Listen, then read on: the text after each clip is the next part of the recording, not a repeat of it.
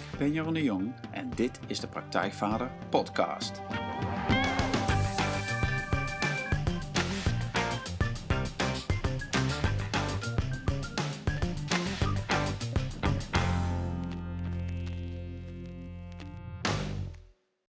Welkom bij een nieuwe aflevering van de Praktijkvader Podcast. Jeroen hier en goed dat je luistert. Dit wordt een beetje een andere aflevering dan je gewend bent, want meestal interview ik in de Praktijkvader podcast een inspirerende gast die jou verder gaat helpen bij de volgende stap in je vaderschap. Ik vraag schrijvers, coaches, wetenschappers, kunstenaars naar hun vak, hun ervaringen, hun tips en trucs over hoe je met meer ontspanning en plezier de vader kunt zijn die je je kinderen en jezelf gunt. Maar vandaag ben ik zelf degene die geïnterviewd wordt. Want een tijdje geleden interviewde ik radio, podcast en non-dualiteitsfenomeen Patrick Kikker voor de Praktijkvader podcast. En dat interview vind je terug op www.praktijkvader.nl slash podcast. Um, maar diezelfde dag heeft Patrick mij geïnterviewd voor een van de best beluisterde podcasts van Nederland, Leven zonder stress.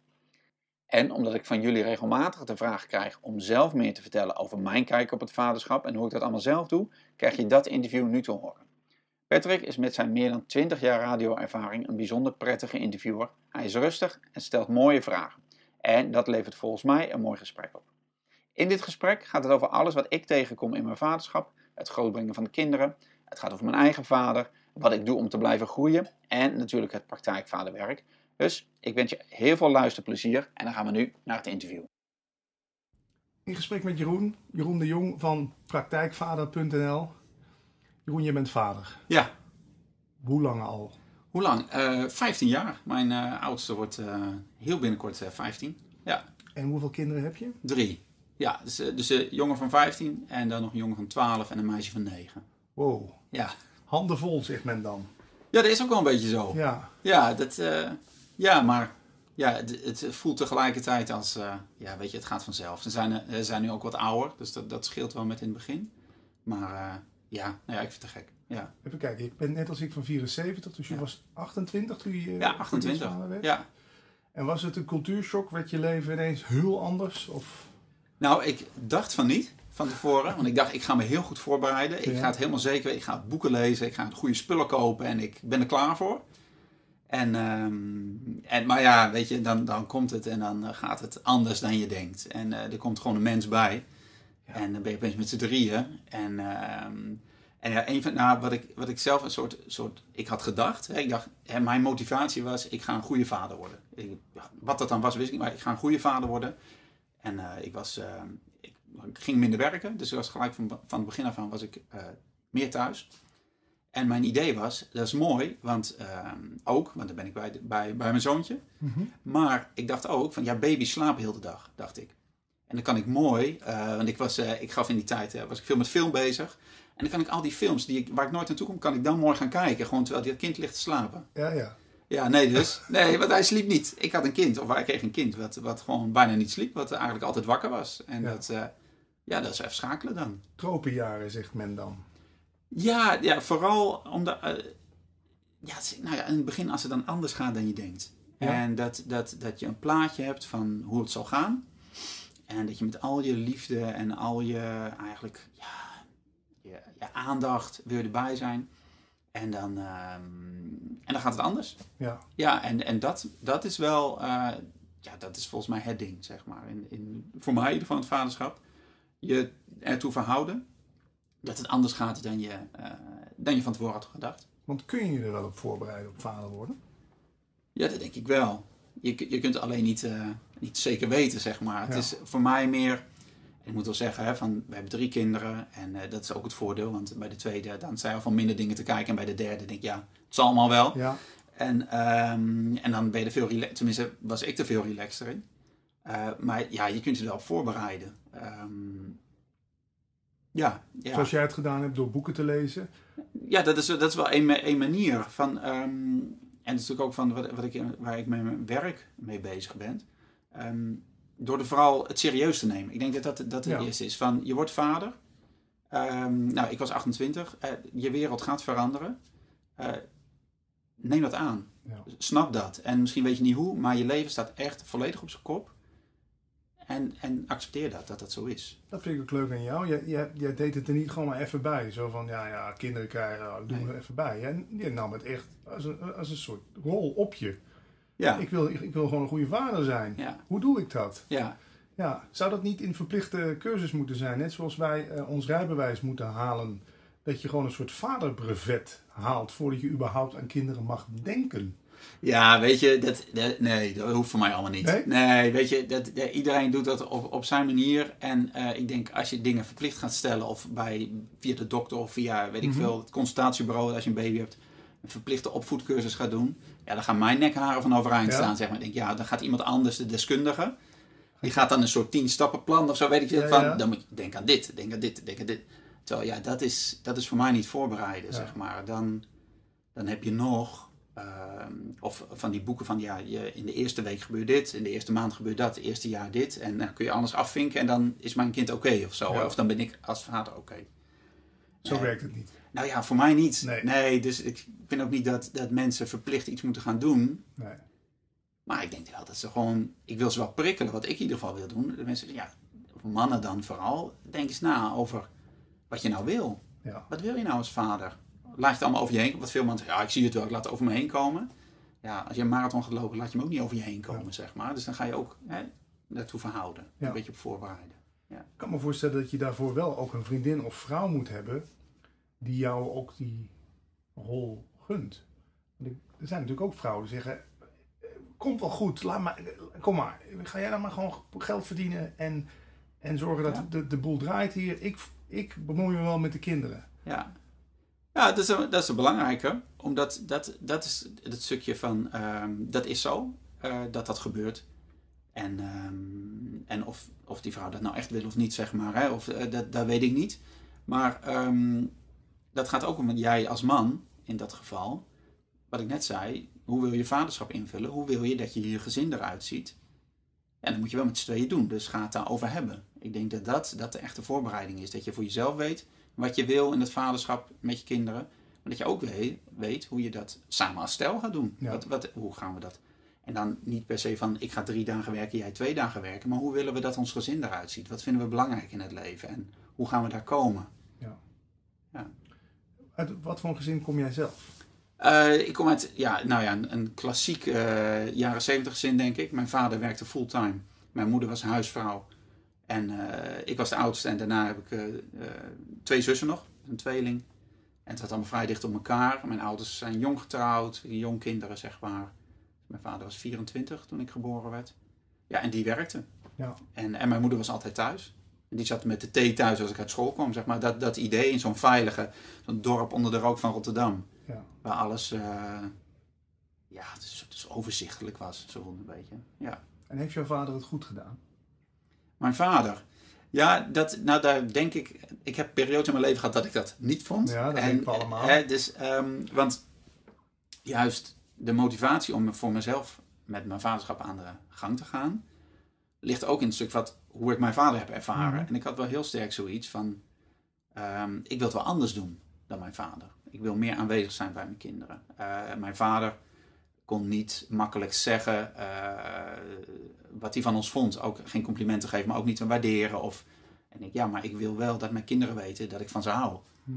En eh, daar ben ik dan misschien een beetje doorgeschoten. Dat mijn kinderen af en toe iets zeggen. Nou pap, nu weten we het wel. maar hè, dat is dan aan de andere kant. Maar, ehm, dus ik wilde het wel echt anders doen dan mijn vader. Ehm, maar later, ook denk ik van toen ik eenmaal kinderen had, ehm, ben ik dat wel anders gaan zien. Heb ik ook gezegd dat mijn vader misschien niet expliciet zei dat hij me waardeerde, maar dat ik wel een soort, soort meer terug kon kijken. Zeg, ja, maar toen was hij er wel. Of toen bij mijn diploma uitreiking op de middelbare school, weet ik dat hij trots was. Ook al zei hij niet, maar ik kon het wel zien. Ik heb Ja. het gezien, zeg Ja. maar. En dat op bepaalde momenten in mijn leven is hij er echt voor me geweest. Alleen niet met veel woorden, maar gewoon door het zijn. Ja. En dat is wel. eh, ja, en mijn vader is vier jaar geleden overleden. Eh, hij was ziek en eh, hij heeft uiteindelijk gekozen voor euthanasie. Dus we hebben een heel lang afscheid gehad, wat heel fijn was. Ja, en daar is heel veel. ehm hoefden we eigenlijk ook niet meer te praten. Maar door in die laatste week veel bij elkaar te zijn.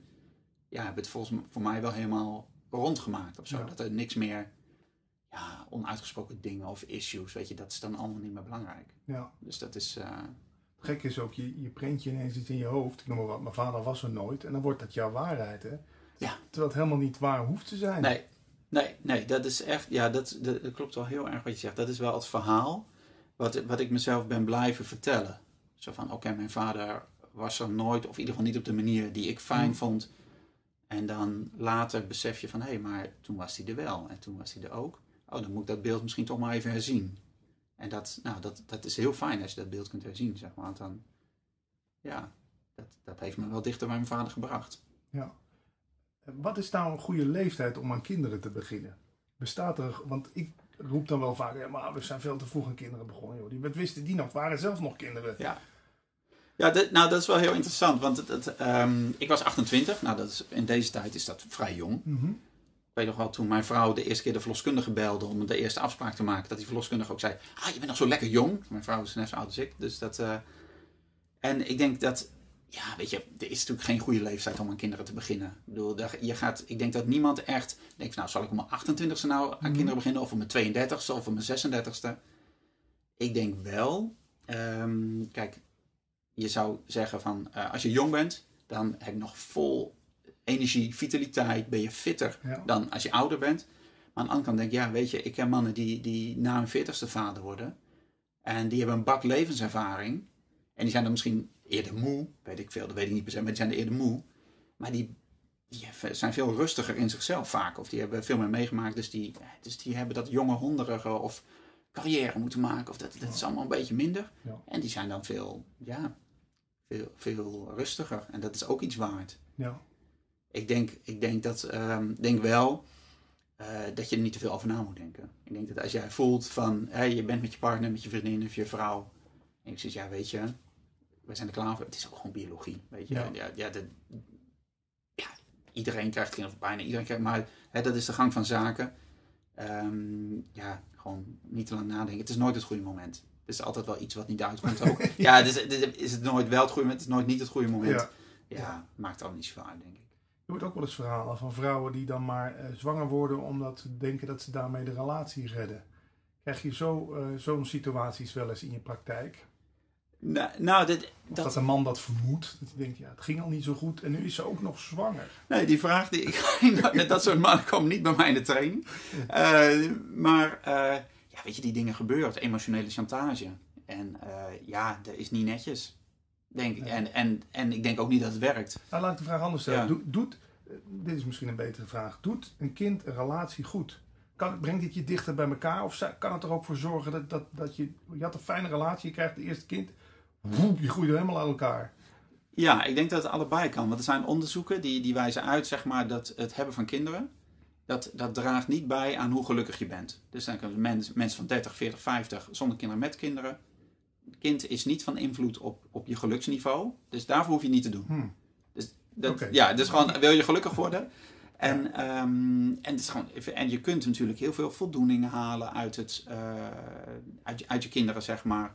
Het gevoel van dat je een familie bent, het gevoel dat je iets kan doorgeven. Of, en je beleeft natuurlijk van alles met je kinderen die je anders niet beleeft. Aan de andere kant, een hele goede vriend van mij, die, is, uh, die wilde graag kinderen en die, dat lukte niet medisch, zeg maar, of er nou van medische dingen gebeurd. En op een gegeven moment hebben ze gezegd, nou oké, okay, we stoppen ermee. Dit is gewoon, we gaan het niet meer doen. We, we, we, accepteren dat het niet kan voor ons. Ja, en die heeft daardoor zoveel ruimte en tijd gekregen om andere dingen te doen. Ja, die is een heel mooi bedrijf gaan, gaan opbouwen Ja. samen met zijn partner. En dat is, dat is fantastisch. Dus dat is hun kindje. ja, zo, Ja. Zo, dan geef je ook iets door. Dus dat, ehm, ja. Daar gaat het dus om doorgeven. Op, op, een, als een van de belangrijkste pijlers. Ja, ik denk, ik denk het wel. Ik denk dat dat voor mij ook is dat ik het. Ja, of het nou, ik hoef niet per se mijn naam door te geven. Of, of dat, dat, me, dat ik onthouden word in mijn kinderen. Mhm. Maar ik vind het wel heel mooi om te zien wat er soort ja, uit mij voortkomt. Om het zo maar even te zeggen. Van Wendy, mijn vrouw en ik. En daar zijn opeens drie kinderen. En die zijn allemaal drie totaal anders. En die doen alles op hun eigen manier. En dat, dat gaat dan weer verder. Ja. En dat, ja, dat, vind ik gewoon, dat vind ik gaaf om te zien. Ja. Ook nieuwsgierig van wat gaat allemaal gebeuren. Ja. Ja, En wat is nou het leukst aan vader zijn voor jou? het leukste. Ja. Nou, ik denk, ehm, op dit moment, de leeftijd en hoe mijn kinderen zijn, is eigenlijk de verrassing. Van dat, ze, eh, dat ik me laat verrassen. Dat ze, ehm, ze zijn zelfstandig, ze kunnen allemaal dingen. En dat ze opeens met dingen komen die ik, eh, die ik nooit zelf had kunnen bedenken. Want ik heel lang heb bijvoorbeeld van mijn oudste gedacht, die is een beetje hetzelfde als ik. Totdat hij 12 werd. En toen ging hij op een andere kant met interesses met, met, en hoe die op school is en zo. En die verrast mij dan met dat hij. ehm, nou, van de week, dan haalt hij de stofzuiger uit. Nee, niet de stofzuiger, eh, de grasmaaier was stuk. En ik denk van, oh shit, nou, ik weet niet hoe ik het aan moet pakken. En eh, nou, ik zal dan kijken, misschien moet ik een nieuwe kopen. Nou, hij haalt die grasmaaier, pakt de schroevendraaier, haalt hem uit elkaar. En hij denkt, ja, mm, dat snoertje is stuk. Als ik dat nou inkort en aan elkaar maak, dan... Ik van, wauw. En dat heeft hij echt niet van mij. Nee. En dat, heeft, dat komt gewoon helemaal... Dat, dat, hij kan dat. Dus die, die verrassing.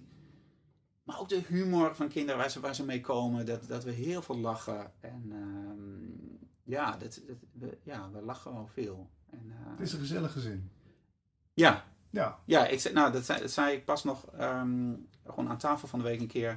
Het is echt... eh, en op dit moment zitten we ook lekker in de flow met z'n allen. Dat is ook wel eens anders. Maar nu, weet je, het stroomt lekker. En we hebben het leuk met elkaar. Hoe denk jij over straffen? Is, straf jij je kinderen? En hoe? Nou, ik straf mijn kinderen niet. Nee, dat heb ik volgens mij nog nooit gedaan. Maar één keer heb, heb ik eh, wel een keer tegen mijn eh, middelste zoon. Die, die, eh, nou, die trekken mij op van alles, zeg maar. Dus die, eh, wij botsen vaak. En eh, ik kwam er echt niet uit. En dan in mijn woede of mijn frustratie schreeuw ik dan uit van... nou, moet ik je dan straf geven of zo? Moet ik je dan, weet ik naar je kamer sturen of moet ik een week niet buiten spelen? Ja, ja.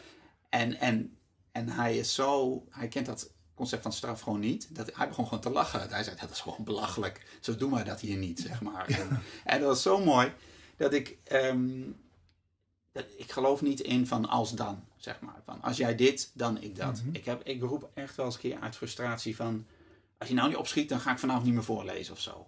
En dan denk ik, ja, maar dat ga ik toch niet waarmaken. Want ik vind het veel te leuk om voor te lezen. Ja, dat ik- weet hij ja, dat weet hij ook, maar, maar dan lost het op een andere manier op, hè, weet je. Maar hoe Toen- dan? Nou, door, ehm, kijk, als ze klein zijn, dan is dat nog iets anders. Maar het gaat volgens mij straffen is, is een soort onmacht. Van, van dan ben je al te ver gegaan, dan heb je het niet op een andere manier op, te- op kunnen lossen. En dan gooi je als volwassene, gooi je je autori- autoriteit of je fysieke overwicht of je verbale overwicht, gooi je erin om iets voor elkaar te krijgen. Want ik kan natuurlijk altijd mijn kind op zijn kamer zetten, heel de avond, eh, de deur dicht doen. En als ik wil, kan ik hem ook nog die deur vasthouden, weet ik veel. Ik kan hem van alles onthouden. Ja. Snoep onthouden, tv onthouden, aandacht, liefde, kan ik allemaal doen. Ja. Ja, dat wil ik niet. Maar het is heel veel mogelijk. Van, van, maar waarom ga ik dan straffen? Wat is er dan gebeurd? Dan heeft het kind iets gedaan wat ik niet wil of wat ik niet Mhm. fijn vind. Nou ja, dan kan ik veel beter kijken van wat is daar nou aan de hand? Wat, wat ligt daar nou achter? Want waarom slaat hij nu in één keer zijn broer of zo, weet ik veel. Ja, frustratie, wat is daar aan de hand? En dan kan ik me daarop aanspreken. Want ik ben ervan overtuigd als een kind ehm, die voelt echt wel als hij iets gedaan heeft wat niet de bedoeling is. En als je hem dan ook nog dat in zijn neus gaat wrijven, zeg Mhm. maar, dan heeft hij twee keer een, eh, een vervelend gevoel, zeg maar. Ja. Dus eigenlijk van, hè, bijna alsof je iemand die al op de grond ligt nog een, nog een schop nageeft. Ja. En ehm, dus, dus ik doe heel veel gewoon in. Probeer die situaties gewoon te voorkomen. Door, eh, door zelf heel duidelijk te zijn van wat ik weet, eh, wat ik wil en wat ik niet wil. Daar eerder op te reageren, zodat ik helemaal niet hoef te straffen. En ook heel veel dingen gewoon te laten gaan. Want, want weet je, heel veel dingen zijn niet belangrijk. En heel veel dingen lossen zichzelf op. Ehm, wat ik heel veel hoor in de trainingen ook hè, van, van ehm, broertjes en zusjes die elkaar in de weg zitten. Die elkaar vervelen of zo. Nou, op het moment dat, dat dat gebeurt, of dat ze ruzie maken, ik kan er gelijk naartoe gaan. Ik kan er bovenop gaan zitten, zeg maar. Of ik kan het even laten gebeuren, hè, als er niks ergens gewoon. En dan vaak lossen die dingen zich vanzelf op. Ja. Of een peuter die zijn jas niet aan wil trekken op het moment dat je naar buiten wil. Denk ik van ja, en als je nou je jas niet aantrekt, dan mag je vanavond niet naar Boomba kijken. Ja, weet ik veel. Of, of, of dan krijg je geen ijsje of zo. Of dan, Ja. of dan, of dan krijg je geen knuffel. Ik ja, weet je, je hebt een kind. Je, dit- dat, de, het feit dat hij zijn jas niet eh, binnen jouw tijd eh, gaat aantrekken, zeg maar. Ja, dat kan misschien ook iets zeggen over jouw tijdsplanning vandaag. En dan trekt hij zijn jas niet aan. Dat kan ook, Ja. zeg maar. Weet ik veel. Ja. Ja, ik herinner mezelf uit mijn, eh, uit mijn jeugd een aantal dingen. Bijvoorbeeld het naar huis gaan met een slecht rapport. Oh ja. Dat was verschrikkelijk. Ja. Hoe, hoe reageer jij als een van je kinderen met een slecht rapport thuis komt? Ja, dat, dat is. ehm, ik laat me daar niet zo door verrassen, omdat ik eigenlijk wel weet al. Wat, Je volgt het allemaal. Ja, ik weet waar ze mee thuiskomen. Het zou, ik zou er heel erg van staan te kijken als mijn kind thuiskomt met een rapport wat anders is dan mijn verwachtingen. Mhm. Ehm, en een slecht rapport, ja, dan denk je, weet je, er gaat niemand expres een slecht rapport halen. Ja. Eh, en dan is er iets aan de hand. Of dan, ja, weet je, dan zit het kind niet lekker in zijn vel, of hij zit gewoon niet op het goede niveau. Ehm, maar ik- nu jij dat zegt, ik had, mijn vader had wel een regel op een gegeven moment, toen ik jaar of 16 was, denk ik, dat ik eh, bij ons in het dorp, oud Beierland, kon je niet echt uitgaan, maar er waren een paar plekken waar je dan op vrijdag en zaterdagavond iets kon doen. Op een gegeven moment moest ik om 12 uur thuis zijn. En ehm, ik denk dat ik 15 was. Of zo, ik mocht net een biertje drinken. Toen kon dat nog, toen je 15 was. en, ehm, en dan zei mijn vader van, als je nou om 12 uur thuis bent, dan drinken we nog een biertje samen. Maar als je na 12 uur thuis bent, dan is het gelijk naar bed. En ehm, ja, dat voelde niet als straf, maar dat voelde wel als, als Een keuze. ja, dan Ja. heb ik een keuze. Ja. Ja. weet je, en kijk, na half één thuis kwam was dan ook weer niet een optie. Maar hè, als ik gewoon twaalf thuis was, dan dronken we samen nog een biertje. En dat vond ik eigenlijk wel heel gezellig. Ja, dus dan zorgde ik ook dat ik om twaalf uur thuis was. En ik kan best wel vaker ook wel eens een keer dat ik dan later en denk, ja, oké, dan geen biertje met mijn vader, maar dan was er blijkbaar een leuk meisje of zo. Ja. En denk ik, ja, dan kies ik daarvoor. En dat, eh, Dus je bent meer van het belonen. ja, dat, dat is ook, ja, belonen vind ik ook weer zoiets van, eh, je, je houdt een wortel voor, je gooit een snoepje in. En, Nou, eh, met dat rapport vroeger was het natuurlijk altijd, goh, je hebt een goed rapport. Nou, dan gaan wij vanmiddag naar eh, de speelgoedwinkel en mag jij twee doosjes Lego uitzoeken. Nou, dat, dat, dat vind ik ook. ehm, dat gebeurt nog steeds natuurlijk. En ik kreeg ook mijn rapport. En dan, en dan ging ik naar mijn oma's en kreeg ik, eh, kreeg ik Geld. En, dan, eh, en de mazzel had dat ik kon goed leren. Dus ik had al zo'n paar achters en negens. Ja. Dus kreeg ik ook. eh maar zag mijn zusjes, die, die, Ja. die konden niet zo goed leren. Of die, weet je, die waren prima, maar die hadden geen achters en negens.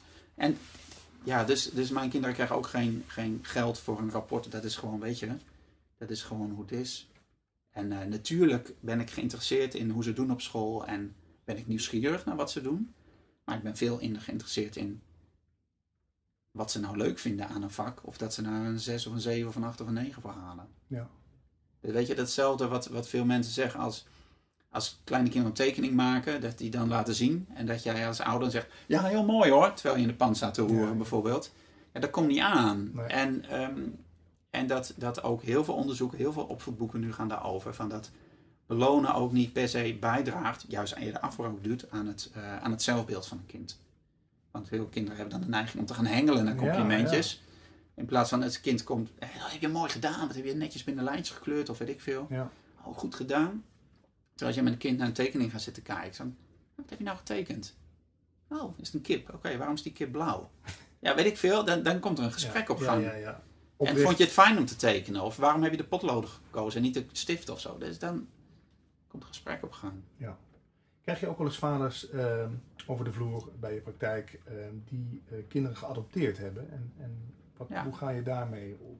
Wat gelden, ja, er gelden andere regels andere manieren, denk ik. Of is het hetzelfde? Nou, het is uiteindelijk denk ik hetzelfde. Behalve natuurlijk dat je voor je gevoel. Hè, ik, heb, ik vaak ook eh, vaak een aantal keer een man gehad die zowel eh, geadopteerde kinderen had als van zichzelf. Ehm, en die zegt maar ja, het is, het is wel een ander gevoel, omdat ik niet de biologische vader ben, of dat we die kinderen hebben geadopteerd vanuit China of zo. Dus die hebben een andere cultuur. Ehm, en, maar uiteindelijk merk ik dat, wat de situatie ook is, met, met, met ook stiefkinderen of zo, weet ik wel. ehm, de kern gaat toch uiteindelijk niet, het gaat niet om die kinderen, het gaat over jou als vader. En dat is de vraag die ze dan bij mij komen beantwoorden, of nou op zoek gaan, of waar ik ze mee help, of wat voor vader wil je nou zijn? En, en, en dat betekent eh, in dat geval misschien dat je voor die eh, adoptiekinderen iets andere rol inneemt, maar uiteindelijk wil je ze toch hetzelfde leren. En, ehm, maar het kan ook zijn, weet je, dat je, dat, dat je ze wel serieus neemt in het stuk als ze uit een andere cultuur komen, dat die er ook is. En dat dat ook gewoon, dat ook, dat dat ook hun wortels zijn. En dat ze op een gegeven moment misschien daar nieuwsgierig naar worden. Dat ze daar misschien verder in willen zoeken. Ja. En ik één vader in training doet het heel mooi. Die gaat eh één keer per jaar, of tenminste zo vaak ze het kunnen veroorloven, gaan ze terug naar, ehm, naar, naar, naar Thailand. Waar, waar de kinderen dan vandaan komen. Om, daar, om dat te blijven voeden, zeg maar. Om die kinderen dat stukje van hun identiteit, van hun verhaal, van waar ze vandaan komen, dat, ja, dat te kunnen laten voeden. En dat zij daar zelf ook ehm, kennis mee blijven maken of binding mee houden. Toch lijkt het me best een drempel die je over moet, zit ik me ineens te bedenken. Als, als je tegen je vrouw of de vriendin zegt, ik ga naar de praktijkvader, want ik wil, eh, mezelf. Nou, Ja. het spreekt een soort misschien van tekort uit. Dat je denkt, ik kan het niet alleen. Ik heb ondersteuning nodig. Zit er schaamte op, op dat, op dat naar jou toe komen? Nou, schaamte. ehm, nou, dat is wel, wel vaak een beetje aarzeling. Maar Mhm. tenminste, ik denk dat als ik heel, heel zwart-wit zeg, dan denk ik twee soorten mannen. Ehm, dat zijn de mannen die, die ehm, of misschien wel drie soorten. Nou, in ieder geval, er zijn, er zijn heel veel mannen van wie de vrouw het juist een heel goed idee vindt. Mhm. En die, eh, waar ik dan mailtjes van krijg. Ja, mijn man die zou eigenlijk naar jouw training moeten. En dan mail ik terug. Ja, maar als je man zelf niet wil, dan hè, wil die zelf ook. Ja, nee, eigenlijk niet. Ik zeg, ja, dan heeft het geen zin. Hè? Ik, bedoel, dat, eh, ik wil hem graag verrassen voor zijn verjaardag. Ik zeg, nou, Ja, ja, nou, ja, ja. ja, en dat, maar dat is allemaal vanuit, vanuit goede wil vaak. Maar nou, jij weet zelf van, ik, ik kan ook zelf alleen maar naar een training toe gaan als ik het gevoel heb dat ik daar naartoe wil. Anders werkt het niet. Nee, je moet gemotiveerd zijn. Ja, precies. Dus ehm, nou, er, zijn er, zijn er mannen die al, maar al een tijdje volgen of die, die de podcast luisteren of wat dan ook. En die dan eh, na een tijdje, een tijdje denken van nou, nu even niet, volgend jaar ook nog niet, maar dat jaar dan wel. Dus die volgen me al een hele tijd. Die voelen wel dat ze iets meer willen. En die denken, ja, oké, nou, nu ga ik wel, zeg maar. Dus dat je daar zelf een beetje aan het idee moet wennen, wat jij zegt. Van, Ja. nou, misschien... ehm, en en dan, dan zijn er nog mannen die, die lezen iets op internet, die zien iets voorbij komen. Die denken, Ja. baf, dat is voor mij, daar ga ik naartoe. Ja. En, maar de kern is van, van dat je uiteindelijk niet, volgens mij niet, dat je vindt dat je zelf iets nodig hebt, maar dat je zelf iets gunt. En eh, de meeste mannen die bij mij komen, die zijn daar. Die zijn op die plek van ik gun mezelf iets. Ik heb het heel lang in mijn eentje uitgezocht en wat heerlijk om het nou eens een keer met andere mannen Ja. te doen. Dat ik het keer niet in mijn eentje hoef uit te zoeken, want daar ken ik al zo goed. Ja. Dat is een mannending, ik doe het wel in mijn eentje. En eh, die ken ik zelf ook heel goed. Ik zoek het wel in mijn eentje uit. Ja. En, eh, maar het is zo fijn om dat je eigenlijk gewoon een keer mag zeggen van... Ik weet het niet. ja. Ik weet het niet. En eh, ja, Jij bent geen garage waar eh, vaders naartoe komen die gefixt moeten worden. gefixt. Haha, ja. nee, dat ben ik niet. Nee, Nee. nee. maar even goed om dat Ja. te zeggen. Want dat zou je kunnen denken. Nou, dat een vrouw zegt, God, Samme, je bent zo'n slechte vader. Ik ga jou opgeven voor die cursus. Ja. Je, En, en aan het eind krijg je een diploma met de vinkjes. en dan, oh, ik ben een goede vader. Ja, nee, Nee. echt niet. Nee, daar geloof ik niet in. Ik geloof heel erg in van dat je... ehm, nou ja, dat- dat je er gewoon zelf achter kunt komen waar jij goed in bent. Waar jouw kwaliteiten zijn. Wat, wat jij in kunt zetten in je vaderschap. Wat je graag wil doen. Wat je wil ontdekken. Wat je wil leren. Maar vanuit jezelf. Ja. En ja, weet je, als je kinderen hebt, dan word je continu getriggerd in van alles. Nou ja, in relatie met je partner word je continu getriggerd in van alles. En je kinderen ook. Hè. Mensen zeggen, ja, mijn kind spiegelt van alles. Nou ja, dat idee, zeg maar, laat van alles zien. Eigenlijk allemaal dingen die in jou, of nog niet, niet die je misschien ook wel zou willen. Of die je misschien heel afkeurt, zeg maar. Oh, mijn kind staat iedere keer te schreeuwen, zeg maar. Nou, dan denk ik, ja, dat, dat, wil ik niet. Maar ik kan niet, ja, misschien vind jij het wel heel erg. eh, als je dat zelf zou doen, zeg maar. Of Ja. ben jij daar vroeg op afgestraft, zeg maar. Dus vind jij dat een kind niet hoort te schreeuwen.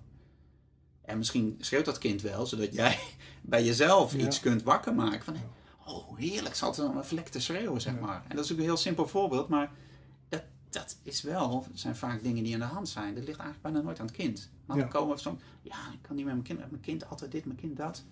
Ja, en dan komen ze eigenlijk heel snel achter dat het helemaal niet aan het kind ligt.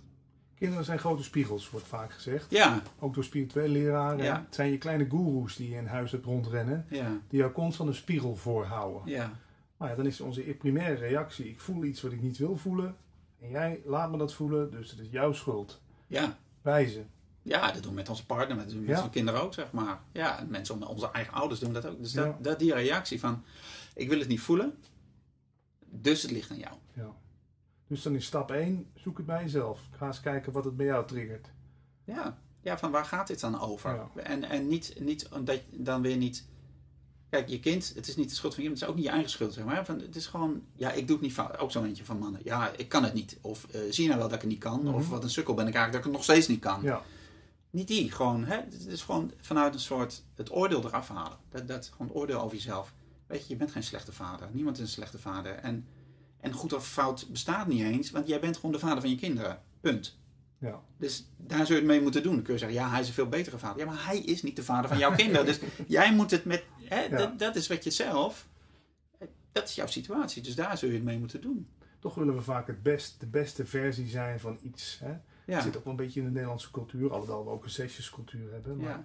eh, is het bij jou een groepsverband of één op één of allebei? Wat, wat doe Nee, je? ik doe, groepen. Eh, dus ik heb een training die heet Vadervuur. Dat is een groep van 12 mannen. En daarna doe ik ook eh, online programma's. En dat is dan ook met een groep online. En dat zijn grotere groepen van ongeveer 100 man.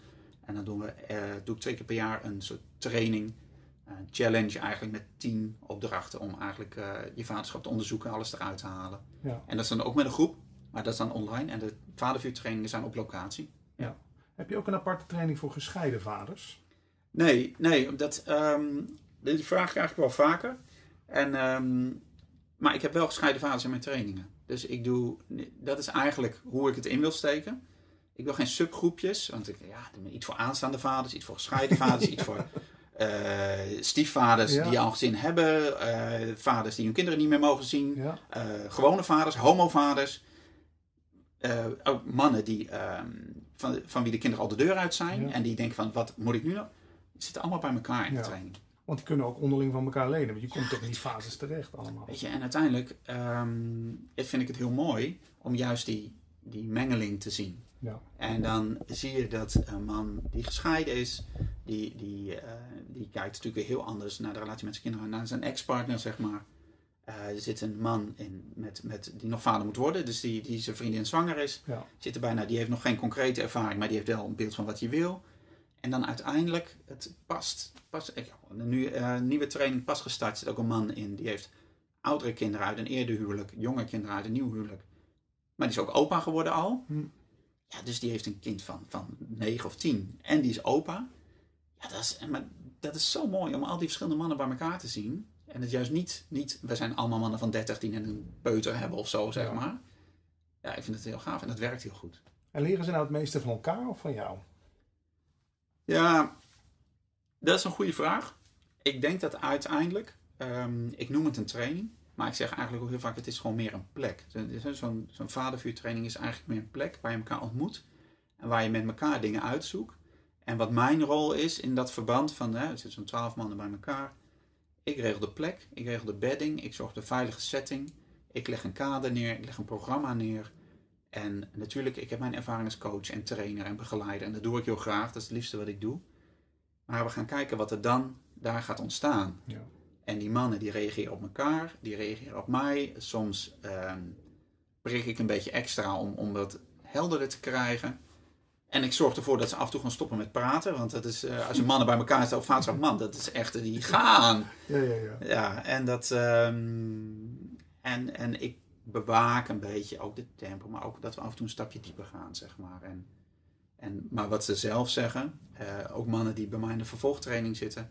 Ik vind het zo fijn dat ik gewoon een plek heb waarvan ik zeker weet, die staat, die staat gewoon in de agenda. Daar ga ik naartoe. ja. Hè, dat is mijn plek. En hoe lang duurt zo'n training? Eh, de vadervuurtraining is vijf avonden. Maar je zegt bedding, dus niet, je bedoelt niet bedden, hè? Je blijft... Nee, nee, nee, niet bedding. Ja. Bedden. Ja, Geen nee. bedden, we blijven niet slapen. Nee, nee, precies. Nee, Ja. nee, ik. Dus echt, maar dat je voor jezelf hè, die vijf avonden in je agenda hebt staan, weet je, die zijn voor jezelf. Ja. En, en, en daarna is er dus even nog een vervolgtraining, die loopt in principe door en dat is één keer per maand. En die mannen die daarin zitten zeggen, ik heb gewoon, elke maand heb ik gewoon een avond voor mezelf. Ja. En met goede mannen, goede plek, gaan mooie dingen doen. En daar laat ik van op. En zijn de kinderen er ook wel eens bij? Nee, nee dit is echt puur voor de, voor de mannen zelf, Ja. om hun eigen vaderschap te onderzoeken. Ja. En, eh, maar wat er wel gebeurt is dat, dat er soms in zo'n groep, dat mannen met elkaar iets gaan doen. Dat ze, weet ik veel, dat ze een keer gaan kamperen of een avondje Ja. bij elkaar komen. Ontstaan ook echt vriendschappen? Ja, zeker, zeker weten. En dat is dan meestal ook weer zonder de kinderen, omdat ze het eigenlijk wel lekker vinden om toch wel met elkaar te zijn. Ja. Eh, maar ik kan me herinneren dat ze dat ook wel eens doen, eh, wel met de gezinnen erbij. En ja, er ontstaan echt vriendschappen. Dat is echt eh, dat is mooi om te zien. ja. Ja. En seks? Daar gaat het ook wel ongetwijfeld over. Je, je hoort wel eens de, het, het dogma. Nou, als je kinderen hebt, dan kun je je seksleven wel eh, goodbye zwaaien. Ja, een kind is het beste voorboedsmiddel. Hè, die, die komt ook vaak voorbij. Ja, ja als, je, als je kinderen hebt, dan, eh, dan is seks is een, is een dingetje. Ja, of geen dingetje eigenlijk, maar Ja. tenminste voor heel veel mensen. En ehm, ja, dus daar gaat het ook in de, in de training. eh, zeker, we hebben, in de training is het één avond gaat ook over de relatie met je partner. En als we het dan hebben over wat mis je nu in de relatie met je partner, wordt heel vaak genoemd. eh, ja, intimiteit, seks. Ja.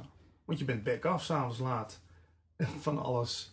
Hè, dat, of je wil niet dat de kinderen jou horen of betrappen. Dus honderden en één dingen te verzinnen Ja. waardoor het niet zou kunnen. Ja.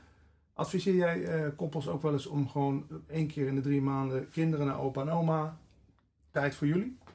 Nou ja, dat, dat is. ehm, kijk, hoe je dat doet, dat, dat is aan iedereen een beetje zelf. Maar tijd voor elkaar maken, ja, is wezenlijk. Ja. Echt, ehm, ja, ja, ik geef ook sinds anderhalf jaar samen met mijn partner geven relatietrainingen. Dus voor stellen.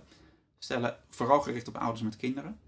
En wat je ziet natuurlijk van, waar iedereen natuurlijk ook al heb je geen kinderen, het is altijd druk. Hè? Je agenda zit altijd vol. Ja. En er is altijd genoeg te doen. En eh, dan hebben we ook nog gewoon de, de Netflix en de Facebook en zo. Dat hebben we ook nog. Ja, en als je ook nog ouders of kinderen hebt, het kost gewoon allemaal tijd. En, en je relatie en zeker de seks, intimiteit, dat, dat verschuift steeds eh, verder naar de, onder een prioriteitenlijstje. Omdat je gewoon moe bent, vaak. En, eh, maar ja, als je dat maar lang genoeg laat duren, dan wordt het steeds, vaak steeds moeilijker om dat, weer terug te krijgen. Om dat, dat weer opnieuw op te starten. Ja. En ik denk dat daar ook vaak dingen misgaan. Dat je op een gegeven moment, bent zo druk met van alles dat je niet meer met elkaar praat, maar ook niet met elkaar vrijt. Ja. En ehm, dus, ja, weet je, dat, en dat gebeurt allemaal. Daar loopt iedereen tegenaan. En ik net zo goed. En, ehm, maar het is wel zaak om dat wel, wel serieus te blijven nemen, die tijd voor elkaar. En of je dan een weekendje weggaat. En als, misschien kan dat niet met kleine kinderen, hè? Dat, dat, dat snap ik allemaal. Ehm, daar hoeft het niet in te zitten. Maar als je maar wel dan die avond, de tijd die je hebt, dat je dan zegt, ja, nee, we gaan niet weer zes eh, afleveringen van die nieuwe serie kijken. Nee, we gaan gewoon eens even tegenover elkaar op de bank zitten en we gaan, hoe is het nou met je? Waar ben je mee bezig? Wat, Praten. wat houdt je bezig? Ja, praten. Eh, dat, dat je, dat je weet waar je zit van elkaar, geïnteresseerd blijven in elkaar. En ja, als je geïnteresseerd bent, blijft in elkaar, dan, dan kun je, en dan kun je ook zeggen, ja, weet je, we gaan nu niet praten. We gaan gewoon, eh, we gaan gewoon vroeg naar bed of ga je masseren. En, en dan niet per se dat je moet vrijen, maar dat je wel, dat het kan gebeuren. Ja. En, en je kunt vaak niet uit het niks gaan vrijen of zo. Hè? Zeg maar, was iemand tegen mij gezegd, ja, het vrijen, seksualiteit, dat is er heel de dag. Dus als, hè, als je gewoon je hand op de rug van je partner legt met aandacht, dat is intimiteit. En dan, dan is dat, is, creëer je een omgeving waarin dat kan gebeuren. Ja. En dan is het niet zo van, ja hallo, we hebben al drie weken niet gevreden, dan moet het wel een keertje. En dan, ja, dan is, lijkt me er ook geen Nee, het hoort wel mensen die zetten het echt in de agenda. Zondag, zondagmiddag 12 uur. Ja, nou ja, als dat werkt voor jou, dan moet je het doen, zeg maar. Maar doe iets. Neem het serieus. Neem ook dit weer serieus. Ja. En wat hebben opa en oma eh, voor een rol in, eh, in, in, in een Ja, in jouw leven is natuurlijk... Jouw vader leeft niet Ja. meer, maar... Ja, mijn moeder leven- wel, mijn schoonouders. Ja. Ja. Hoe, wat, wat, want daar hoor je ook vaak dingen over. Hè? Dat opa en oma zich te veel, mee, te veel mee bemoeien. Dat de kinderen te vaak bij opa en oma zijn. Hoe- Hoe zie jij een gezonde verstandhouding met opa en oma? Ja, een gezonde verstandhouding. Dat is natuurlijk ook weer lastig in, in, onze, in onze samenleving nu. Waar het, mijn ouders die wonen... eh, ik woon inmiddels in Nijmegen en zij in de buurt van Rotterdam. Dus er zit gewoon afstand tussen. Ja. Ik kan niet zomaar even op de koffie gaan. Maar ik denk dat... dat dus, dus twee kanten zitten eraan. Ik denk dat je ehm, ouders hebt, of opa's en oma's dan zeg maar, die echt zeker als het een eerste kleinkind is, echt er bovenop duiken. En als je dat wil en als je fijn vindt als je ouders gewoon elke dag op de vloer zijn, prima. Hè? Maar als je dat niet meer wil, of als je dat überhaupt niet fijn vindt, zeg maar, eh, dan vraagt dat van jou als vader in dit geval, zeg maar, dat je, dat je een soort plek maakt. Van dat je zegt, hé, hey, maar dit is mijn huis, dit is mijn gezin, zeg maar. En jullie mogen best komen. Maar hè, een beetje als, ik zeg, bewaak, bewaak het fort een beetje. Hè? Mhm. Dus niet alleen naar je ouders toe, maar ook naar andere mensen. Bewaak het fort. Dit is mijn kasteeltje nu. Ja, En ik, ik bepaal wie er binnen mag komen of Ja. niet. En hoe vaak. En, en ja, dan kunnen ze misschien niet. Er zijn ouders die dat niet fijn vinden. Of die zeggen, ja, weet je, we zijn nu met de baby. We hebben wel gewoon heel veel tijd voor samen nodig. Ja. Ja, vinden we niet fijn. Zeggen, ja, dat is dan maar even zo. En aan de andere kant ehm, gaat het ook over je ouders wel die rol gunnen als opa en oma. Ja. Dus dat je ze wel die plek gunt en dat je je kinderen ook die plek gunt van de opa en oma. En ehm, er zijn natuurlijk heel veel gesprekken van, uit. ja, hoor ik ook vaak in mijn trainingen van, eh, de kinderen gaan naar opa en oma. En dan, eh, ja, dan krijgen ze snoep en dan krijgen ze dit en veel te veel. En kijk, als je kind eh, misselijk in de auto op de terugweg zit, dan denk je, ja, oké. Maar dat doen opa's en oma's Ja. nou eenmaal. Weet je, toen ik naar mijn oma ging, weet je, stond er elke week stond er een, stond er een, een nieuw Matchbox autootje klaar. ah, En, en ik dacht, ja, dat, dat vond ik natuurlijk te gek. En, en, en op een gegeven moment, nou ja, mijn ouders daarin ingegrepen. Want dat was ook een soort emotionele chantage van mijn oma, zeg maar. ja. Ja, als ik nou mijn autootje neerzet, dan komt hij wel, Ja, zeg maar. ja, ja, Maar, maar dat, ja, maar weet je, gun die opa en oma dat, dat ze daar verwend worden. En dat ze een keer meer snoepen. En Ja. weet je, en wees daar niet te krampachtig in. Ik mocht altijd een taartje halen van mijn oma, kan ik me herinneren. Ja, Maar dat resulteert er wel in, dat nu steeds ik door bij de Jumbo langs het gebak rij, dat ik denk, oh, Lekker taart, ja. Oma, oma. ja, Ja. ja, ja.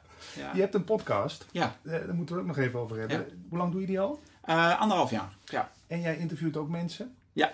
We gaan straks ook nog een gesprekje opnemen hier samen. Ja. Ehm, wie heb je zo al gesproken en waarover? Ja, heel veel. Ik, ik, ehm, ik zoek mensen waarvan ik vind dat ze, nou ja, dat ze een goed verhaal hebben, dat ze inspirerend zijn, dat ze iets in hun werk hebben gedaan. En wat natuurlijk een link heeft met vaderschap. En het zijn bijna allemaal mannen, dus die hebben zelf ook bijna allemaal eh, kinderen. Dus dan vraag ik ze ook een beetje, ja, in je, in je werk of in je boek, Jan Geurts, Bertolt Gunsten van Omdenken, eh, Arjan Vergeer van 365 dagen succesvol, Ehm, maar ook Steven Pont, eh, ontwikkelingspsycholoog. Dus allemaal mannen die en en professioneel iets doen met persoonlijke groei of met vaderschap en die zelf vader zijn. Dat, daar ben ik een beetje naar op zoek. En dat is niet altijd, maar ehm, en dus dan vraag ik ze eigenlijk van naar hun, ja, hun, wat zij zelf ervaren, Mhm. eh, wat zij zelf ervan bakken in het vaderschap, om het zo maar te zeggen. En hoe dat linkt aan wat ze professioneel eh, tegenkomen, zeg maar. En wat ze ook opvalt aan, aan, aan mannen of aan kinderen of aan ouders met kinderen nu tegenaan lopen. En, eh, en, het zijn, ja, weet je, en het zijn ook gewoon mensen die ik boeiend vind om te spreken. Ik denk, ah gaaf, daar wil ik wat van leren, daar wil ik zelf wat van horen. Ja. En Wat heb je bijvoorbeeld van Bertolt Gunsel gehoord? Die dacht, hé, hey, ja, Bertolt Gunsten, die is, dat, die is zo radicaal. Dat, dat is heel fijn. Die, die, eh, die maakt maar iets wakker van dat het gewoon wel eens een keertje zwart-wit is, zeg maar. En ehm, een van de dingen die, die hij zegt, zeg maar, van, hè, dat, iets heel kleins hoor. Maar ehm, kinderen laten eh, rommel slingeren, zeg maar. Kun je twee dingen doen. Kun je een heel groot probleem en drama van maken. En zeker met pubers, maar die in hun hersenen krijgen ze dat gewoon niet rond. Dus als die tas nou op de deurmat ligt voor de deur, leg jij hem even bij de kapstok. Nou, dus alles klaar. En vind ik dan dat mijn kind dat zelf moet snappen en ga ik daar een heel groot verhaal van maken? Of pak ik die tas even op? En weet je, dat zeg maar. En daar wordt mijn kind geen slechter kind van en ben ik geen slechter ouder van. Maar het is wel klaar. Ja. Met drie seconden. En, ehm, en de humor. Eh, Bertolt is ook heel erg van de humor. Dat zit, zit natuurlijk ook in dat omdenken gedachtegoed. Maar ja, maak, het, maak het gewoon niet zwaar. Maak er ook gewoon een geintje van. Neem het wel serieus, maar er mag ook gewoon gelachen worden. ja. In hoeverre is eigenlijk, zit ik met denken, de verhouding eh, tussen jou en je kinderen? Sta, je, sta jij boven ze? Sta jij tussen ze? Sta je soms onder ze? Of wisselt dat? Ja, dat is, dat is, wel, ja, dat is een mooie vraag. Ehm, ik denk eh, dat, ik, ehm, dat ik voel, zeg maar, dat wij als, als mensen gewoon gelijk zijn. Eh, maar ik heb wel een andere rol in dat gezin. En, dus ik weet het niet per se beter dan mijn kinderen. Maar ik ben wel hun vader. En ik zie het als mijn taak om ze. ehm, nou, misschien eigenlijk zie ik het wel als mijn taak om, om mijn belangrijkste taak om niet te blokkeren wat er in hun zit, wat, wat, wat eruit wil komen, zeg maar. Dus dat ik, dat ik eigenlijk soort het mogelijk maak dat, dat hun potentie of wat erin zit, zeg maar, dat, dat dat mag bloeien. En, ehm, en dat betekent ook dat ik, eh, ja, weet je, ik stel ook grenzen.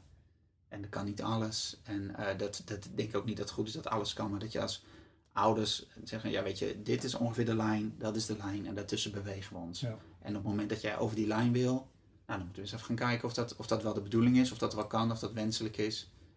En dan is het misschien, nou, in dit gezin kan dat niet. En misschien als je ergens anders had gewoon, had het wel gekund. Maar wij, wij trekken dit niet, zeg maar. Nee. Als, als mijn oudste zoon opeens thuis komt van, ja, ja ik, wil wel eens, gaan- ik wil eens gaan ontdekken wat blowen is. Nou, dat zou ik echt wel... eh, mijn eerste reactie, dat gaan we gewoon niet doen. Ja. En maak je het daarmee niet interessanter voor? Ja, natuurlijk, dat kan, natuurlijk. Maar dat, dat is, daar moet ik me op dat moment toe verhouden van...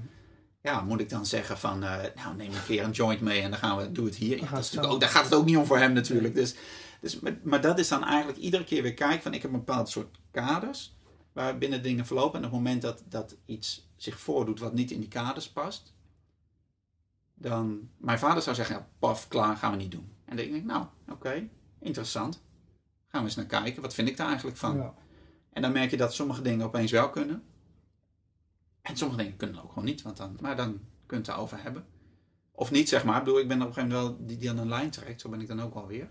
Ja. Ehm, maar heel veel dingen kunnen wel. En kinderen schijnen er ook eh, behoefte aan te hebben. Ik heb wel eens van een psycholoog gehoord. Grenzen stellen, veiligheid, kaders. Als jij alles maar toelaat, ja. Wat, waar ligt dan inderdaad de grens beneden en boven? Dan, dan kun je daar als kind ook heel onzeker van worden. Want je weet Ja. geen richting, geen kader. Nee, klopt. En ik denk dat, dat die, eh want er gaat natuurlijk ook veel over met kinderen. Ja, je moet consequent zijn. Ja, je moet consequent zijn. En eh, dat betekent dan voor heel veel mensen van, ja, ik heb één regel. En die moet ik altijd blijven volgen. Dat betekent, hè, je mag, als je uit school komt, mag je één koekje of twee koekjes. Maar je mag geen vier koekjes.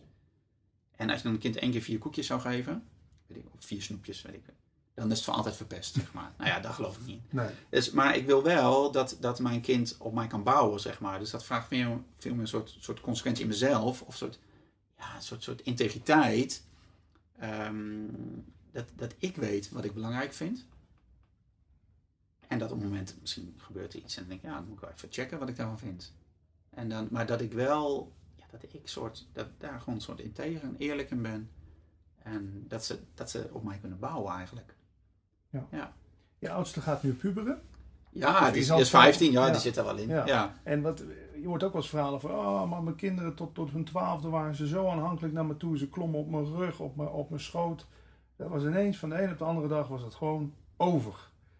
Merk jij zoiets? En, en ja, wat doet dat met je? Dat je oudste nu zich toch maar een beetje ja, zich los begint te wrikken als puber. Ja, dat, dat is wel, eh daar zitten wel twee kanten aan. Ik vind dat ook, dat is gewoon, ook gewoon Natuurlijk. jammer. Ja, het is, sowieso is het natuurlijk, dus dat, dat snap ik. Ja. En dan kan ik daar zelf van alles van vinden of ergens in geraakt worden. Denk ik van, ja, weet je, mijn jongste van negen, die, die klint op schoot en die Ja. hangt om mijn nek en eh, die knuffelt. En eh, nou, daar heb ik eentje van twaalf, die zit een beetje tussenin, zeg maar. Ja. En, ehm, en die oudste, die gaat het uit zichzelf, gaat die dat niet meer opzoeken. Die komt niet zomaar naar me toe en die eh, komt even op mijn nek hangen. Nee. Ehm, en die maakt zich ook los, die heeft veel meer zijn eigen leven. En dat is de bedoeling. Ehm, en het mooie vind ik, dat zeker denk ik ook jongens vooral, zeker vader jongens, dat op een gegeven moment gaat dat, dat fysieke contact gaat, gaat een beetje weg. En als ik dan zie hoe fijn die het vindt als we het wel doen. Ik van ja, weet je, jij, jij, ik vind het ook fijn om, om fysiek met, met andere mensen bezig te zijn, zeg maar. Weet je, dat vind ik ook fijn als een goede vriend van mij gewoon een omhelzing geeft en niet zo, ja, hoi. Dus, dus dan denk ik van dat vindt hij ook fijn. Ja. En dan merk ik, als ik dat doe, en soms is het een geintje, een potje stoeien, of dan duw ik hem even tegen hem aan. En soms geef ik hem wel een omhelzing en dan, ja, dan zie ik dat hij dat wel fijn vindt. Dus dat, dat is ook iets van. En soms ook niet, hè? Dan merk je, oké, het is gewoon niet het goede moment, prima. Maar dat je. Het vraagt een soort afstemming, maar het vraagt ook van, van mij als vader van. Dat ik wel een soort ook de risicootjes daarin blijf nemen, zeg maar. Van, Niet bang om afgewezen te worden. Nee, en als, het, en, maar, en als die even niet wil, dat ligt niet aan mij, Ja. dan, ligt dat, dan is dat gewoon op dat moment is dat wat er aan de hand is. Het is gewoon niet het goede moment. Ja. Ik kan ook niet altijd hebben dat, dat, ehm, dat, dat mijn vrouw voor me komt staan om me te zoenen, zeg maar. Hè? Ja. Dat is ook niet altijd het goede moment. Meestal wel, maar hè? Niet, niet altijd. Hè? Dus, dus dat is ook, ja, weet je, dat ligt niet aan haar, dat ligt niet aan mij, maar dat, ja. Misschien een gewetensvraag. Als je geen antwoord wil geven is ook goed. Maar heb jij ooit een tik uitgedeeld of een klap naar een van je kinderen? Nou, niet, niet zo geslagen, maar ja, wel zijn frustratie dat je ze net iets te hard beetpakt Ja. of zo. Dat. En hoe, wa- wat, hoe voel je je dan daarna? Ja, kloten. Ja, weet je, dat- dan, dan is zo van... Zeker als de kinderen klein zijn, dan kun je ze nog zo lekker beetpakken. Hè? Nu met 15 wordt dat wat lastiger. Want dan, maar ah, nu ga je even Ja, dat, zeg maar. Ja, dat heb ik wel eens gedaan. En dan, dat Maar is- geen corrigerende tik, zoals ze dat noemen. Op de billen. Nee, nee, dat, dat, dat, ja, dat, dat, daar geloof ik gewoon niet in. Maar wel toch dat je vanuit onmacht even je fysieke overwicht erin zet. Ja. En, eh, Even op zijn plaats zetten. Ja, en ook fysiek, maar ook verbaal. Zo van Ja. dat, je, dat je denkt, oh, nu sta ik... Dat je eigenlijk op dat moment al voelt, nu sta ik als volwassen vent van 40. Sta ik tegen een kind van 5, bij wijze van spreken. Ja, met al mijn verbale kracht sta ik te schreeuwen. Ja. Jezus, waar ben ik mee bezig? En zeg je dan ook sorry daarna? Ja, ja van, en de, le- haal ik een beetje af van de leeftijd. Maar ehm, soms heb ik het in dat moment door en soms pas later. Maar dat is wel iets, ik denk, ja, weet je, dit heb ik gewoon niet goed gedaan. Ja. En dan eh zeg je, ja, weet je, dat had ik gewoon niet moeten doen. En dan niet, niet, maar ja, ik was ook wel zo getergd omdat jij al heel de Oh, tijd. Nee, maar niet. Nee, weet je, dat was gewoon een overreactie. ja. Het emotioneert je wel als ik eh, hoor ik in je stem. Nou ja, het- dat, dat zie ik mezelf terug. En dan denk ik van, oh man, dat, eh, ja, dat is die onmacht, het niet weten. Mhm. En dan zie je eigenlijk nu, ik denk van, man, van een afstandje, man, ga je je wals zo over je kind heen. Ja. En je bent als ouder altijd de sterkste. Zeg maar, je bent altijd, je kunt altijd, je hebt fysieke overwicht, Ja. je hebt verbale overwicht. En eh, ja, dat, is, dat moet je gewoon niet doen. Maar we doen het allemaal. En dat is natuurlijk wel van, je kunt dan twee dingen doen. En daar hebben we het in de training heel vaak over. Want eh, verbale agressie is iets waar heel veel mannen mee zitten. Jeetje, sta ik weer te schreeuwen tegen mijn kind. Ja, dat vertel ik niet op de zaak bij de koffieautomaat. Want, hè, dus hoe doe ik dat? Ja, dat gaat natuurlijk heel erg om dat je soort in instantie al voorkomt dat je, dat je gaat ontploffen. Want dat betekent eigenlijk, weet je, de ene moment doe je het niet, de andere moment doe je het wel. Wanneer doe je het? Als je moe bent uit je werk, als je gestrest bent, ruzie met je vrouw, weet ik veel, Ja. wat er ook. Er is iets aan de hand. Ja, kijk of je die, als je die al weet, dat je die ontzenuwt van tevoren. Door- En hoe doe je dat dan? Door even iets langer in je auto te blijven zitten en even tot, tot jezelf te Nou, komen? dat is een hele simpele. Van echt, ik adviseer echt mannen van.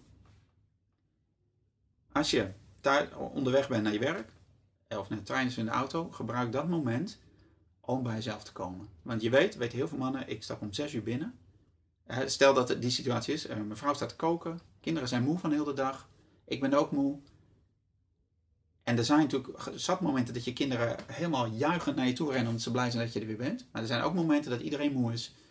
En dat, dat de lontjes allemaal kort zijn en die van jou ook. Nou, dat is ontploffingsgevaar. Nou, als jij dan al zorgt dat je iets rustiger bent.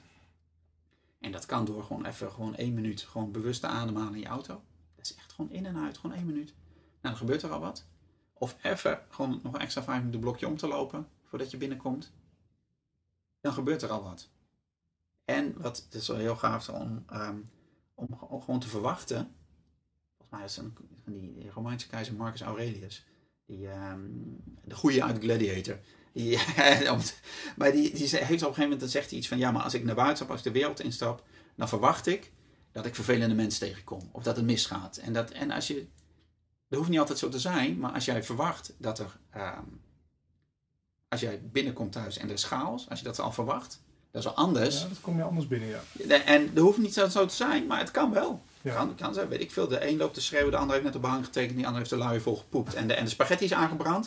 ja, hè, de- de- die dagen zijn er. Ja, Ja, en dan, maar als je, oké, ja, het gaat niet over mij. Oké, hop, ik ga erin. En dan voorkom je dus dat je uiteindelijk staat te schreeuwen tegen je kind. Ja. En als het niet lukt, in het moment zelf kun je daar zo snel mogelijk uitstappen, gewoon mee stoppen. Nou, en als, als dat niet lukt, je kunt altijd op de een of andere manier die passend is bij de leeftijd van je kind, kun je erop terugkomen. En dan hoef je niet, ja, maar papa is ook, die doet het ook nooit goed. Nee, maar gewoon, hé, hey, dit is gebeurd, had ik niet moeten doen. En ik wil het volgende keer graag anders doen. Eh, iets wat ik nog even kort met je wil aanstippen, wat misschien ook leuk is om in jouw podcast straks, eh, of die we Ja. samen gaan opnemen, aan te stippen, is wat is nou een goede manier als zoon om met je eigen vader om te gaan? Eh, er zijn wel eens leraren die tegen mij zeggen, je moet je volledig losmaken. Jij bent niet verantwoordelijk voor het geluk van je ouders. Toch voel je een soort schuld naar je ouders toe, hè? want die hebben toch de eerste 40 jaar van je leven, hebben ze zich helemaal voor jou eh, ingezet, of Ja. 20. Ja. Wa- wa- Wat vind jij gezonde verstandhouding met jouw vader en moeder? Ja, ik denk dat dat, eh, daar heb ik zelf heel lang naar gezocht. Ik heb ook een soort, een soort afstand genomen eerst, eerst van mijn ouders, zeg maar ook in de opvoeding, want ik ging het helemaal anders doen dan mijn ouders. En dat viel uiteindelijk ook wel mee, maar toch, ehm, terwijl dat werkt niet. Want op het moment dat je een soort, soort, soort, soort afstand neemt, zeg maar, ehm, dan maak je het lijntje wat er tussen jullie is, dat benadruk je alleen maar. Op het moment dat je afstand neemt, dan doe je het anders. Dus dan trek je hem eigenlijk alleen maar strakker op de Ja. een of andere manier. Dat lijkt tegenstelling, maar het is wel zo, want je bent steeds meer met elkaar bezig. Ook al, ja, maar ik doe het heel anders. En, ehm, en wat ik zelf, is het denk ik uiteindelijk dat je elkaar de plek gunt, ehm, wat een goede plek is. Op een gegeven moment, eh, als je vader wordt, dan ben jij vader. En jouw vader wordt opa. En je schuift allemaal een stukje op. En niet iedereen snapt dat. Ehm, en dat, dat kan twee kanten op werken. Dat je ouders nog steeds jou als kind blijven zien. Ja. Nou, dat is, eh, dat is niet handig. Maar dat kan twee, jij kunt ook steeds in die kindrol bij je ouders blijven hangen. En eh, dat is iets wat je. ehm, Nou, dat is, dat is complex, dat is lastig. Dat heb je niet zomaar niet met. Daar kan ik even niet drie tips voor geven. Van, maar dat is wel iets goed om je bewust van te zijn. Want uiteindelijk op den moment ben jij de volwassen man. En dat is, die plek moet jij durven innemen. Dat is net de bewaak je kasteeltje, bewaak je Ja. fort. Dat gaat daarover. Ik ben nu een volwassen man. En eh, dat betekent dat je niet meer eh, je kinderlijke behoeften laat vervullen door je ouders. Dus erkenning of weet ik veel, dat, dat ga je niet meer krijgen. Want je bent geen kind meer. Maar ook dat je ouders snappen dat jij niet meer dat kind bent. En als, als ik dan kijk hoe ik dat zelf doe, hoe ik dat in mijn trainingen aanpak, dat begint allemaal bij jezelf. Je kunt van je ouders niet verwachten dat ze, dat ze gaan veranderen. Maar jij zult zelf dus, maar op het moment dat jij verandert, ga je iets veranderen in die, in die, in die constellatie of in dat, in dat stuk, zeg maar. En dat is vaak letterlijk een, ehm, ja, het beeld wat ik daar zelf vaak bij gebruik is gewoon doorknippen van de navelstreng. Ja. Je zit nog steeds, er zit dus een navelstreng, ook al ben je een volwassen vent van 40. Als die er nog is, ja, die moet doorgeknipt worden. En dat is eigenlijk het eerste wat je doet, letterlijk als vader. Hè? Als, als je baby gewoon doorknippen. En dat doe je eigenlijk iedere keer, figuurlijk nog steeds. Als je, als je kind naar school gaat, navelstreng doorknippen, gaat weer een stapje verder. En zo Ja. steeds, steeds, steeds. Loslaten. Loslaten, ja. En ook bewust snappen van dat jij, dat het de bedoeling is dat je hem loslaat. Ja. Maar als jouw ouders dat niet voor jou doen, zul je het zelf moeten doen. Dus dan moet je zelf als het ware een soort meer afstand creëren. Die navelstreng dan maar zelf doorknippen. Ja. En dat is misschien heel spannend. Want dan ja, vinden ze misschien niet meer aardig. Of dan vinden ze iets van me. Of dan, eh, ja. maar het is wel... Dat gaat je wel... Dat gaat je wel helpen. Dat is wel... Dat is, dat, dan kom je bij die, die, die relatie met je vader. Die dan de bedoeling is. En wat ik zelf zei over mijn eigen vader. Kon ik hem in de ogen kijken op het eind. En, en, en was ook heel duidelijk van, van... Kijk, mijn vader ging overlijden. Dus die ging ook echt letterlijk weg. Maar het was heel duidelijk, ja, ik ben nu de volwassen man, jij bent de opa. En deze plekken kloppen. Ja. En het mooie is dat je dan echt fantastische gesprekken met je vader kunt hebben. Of gewoon samen kunt zijn. En ehm, Gewoon gelijkwaardig. gelijkwaardig. En dan kun je ook, wat, wat heel gaaf is, eh, vanuit een soort nieuwsgierigheid naar je vader gaan kijken. En wat, wat sommige mannen doen, eh, dat, in het online programma komt dat voorbij. Eh, dat is een opdracht, maar ga eens met je vader ehm, op zoek. Of vraag hem eens naar zijn jeugd. En eh, ga eens naar de plek waar hij is opgegroeid. En laat hem daar eens over vertellen. Ja. Want hè, mannen die, eh, die zijn niet altijd geneigd om daar veel over te vertellen. En als je dan iets gaat doen samen, nou fantastisch. Dat is echt, ja, daar gebeuren mooie dingen. Goeie tip. Ja. Is er nog iets wat je toe wil voegen aan dit gesprek? Ehm, hoe kunnen mensen bijvoorbeeld met jou in contact komen? Makkelijkste website, denk ik? Ja, makkelijkste website eh, praktijkvader.nl. Daar, vind je, de, daar vind je de podcast, Ja. vind je mijn blogartikelen, vind je alle informatie over de trainingen. Eh, Facebookpagina, ook dus Facebook Praktijkvader. Eh nou ja, post ik ook regelmatig inspirerende dingen. En, eh, en één gaaf dingetje, dat is, ehm, ik krijg dan altijd, ja maar heb je geen praktische tips? Hè? En ehm, ik geef geen tips van hoe je je kind echt goed moet opvoeden, want dat, hè, daar hebben we het de hele tijd over gehad, van hoe je dat doet. Maar ik heb wel een, sinds kort een soort, soort mailtje, dat is Vurige Vrijdag. En dan krijg je iedere vrijdag van mij vijf tips om je leven met je gezin gewoon leuker te maken. Dus niet beter. En dat is, nee, dat is allemaal gratis en het is allemaal, je allemaal op de website vinden. En is er een boek van je? Nog niet. Oké, wel in de planning? Ik wil heel Ja. graag eh, een, eh, een boek schrijven. En dat ben ik ook mee bezig. En dat gaat echt over, ehm, ja, over, over hoe je nou eh, eigenlijk. Ja, het is, gaat eigenlijk over hoe je je vaderschap gebruikt als manier om meer over jezelf te leren en eigenlijk jezelf te leren kennen en helemaal de man te zijn die je wil zijn. Dus hè, kinderen zijn je spiegels. Nou, gebruik ze dan ook om helemaal, ja, dat gebruik dat klinkt, maar maar gebruik die situatie om, om helemaal de man te zijn die je wil zijn, maar ook helemaal het leven te creëren wat je wil leven. Want dat, dat, dat je echt helemaal totale verantwoordelijkheid neemt voor alles wat, je, wat er in je leven gebeurt. En dan wordt het veel leuker. Oké, nou, ik ben benieuwd. Ja, Dankjewel Jeroen. Patrick, super. Ja, Ik hoop dat je met veel plezier hebt geluisterd naar dit eh, interview wat eh, Patrick Kikken met mij hield een tijdje terug. Ehm, als je het interview wil horen wat ik met Patrick opgenomen heb, dat eh, kun je vinden op www.praktijkvader.nl Patrick. Of je vindt het in het overzicht van alle podcastafleveringen op www.praktijkvader.nl podcast. Als je nou zelf een vraag hebt over je vaderschap, over iets waar je tegenaan loopt in het leven met je kinderen, met je partner, met je gezin en alles wat je eh, ja, gewoon in je dagelijks leven tegenkomt. Ehm, iets wat raakt eh, in de dingen die we hier in de podcast bespreken. Misschien heb je vragen aan mij, eh, dingen die je zou willen weten. over mijn eigen vaderschap, over hoe ik de dingen aanpak of wat dan ook, misschien over de training of het andere dingen die ik doe, stel ze gerust. Dan maak ik daar binnenkort een speciale Praktijkvader podcast aflevering van, waarin ik dus vragen van luisteraars ga beantwoorden. Je kunt je vragen stellen via de mail info.praktijkvader.nl. Je kunt achterlaten op Facebook of op de website. Kan allemaal. Doe dat en dan maak ik daar binnenkort een mooie uitzending van. Goed dat je er was, goed dat je weer luisterde. En zoals altijd, alle afleveringen kun je terugvinden op www.praktijkvader.nl-podcast. Meer dan 40 inspirerende interviews met allerlei interessante gasten. En je kunt je ook abonneren, dat is helemaal gratis. Dat kan via iTunes, dat kan via Stitcher, de app Stitcher. Um, met je telefoon, met je tablet. En dan krijg je iedere keer als er een nieuwe aflevering van de Praktijkvader podcast klaar is, dus dat is één keer in de twee, drie weken, krijg je daar automatische melding van en dan hoef je nooit meer iets te missen. Dus doe dat, helemaal gratis.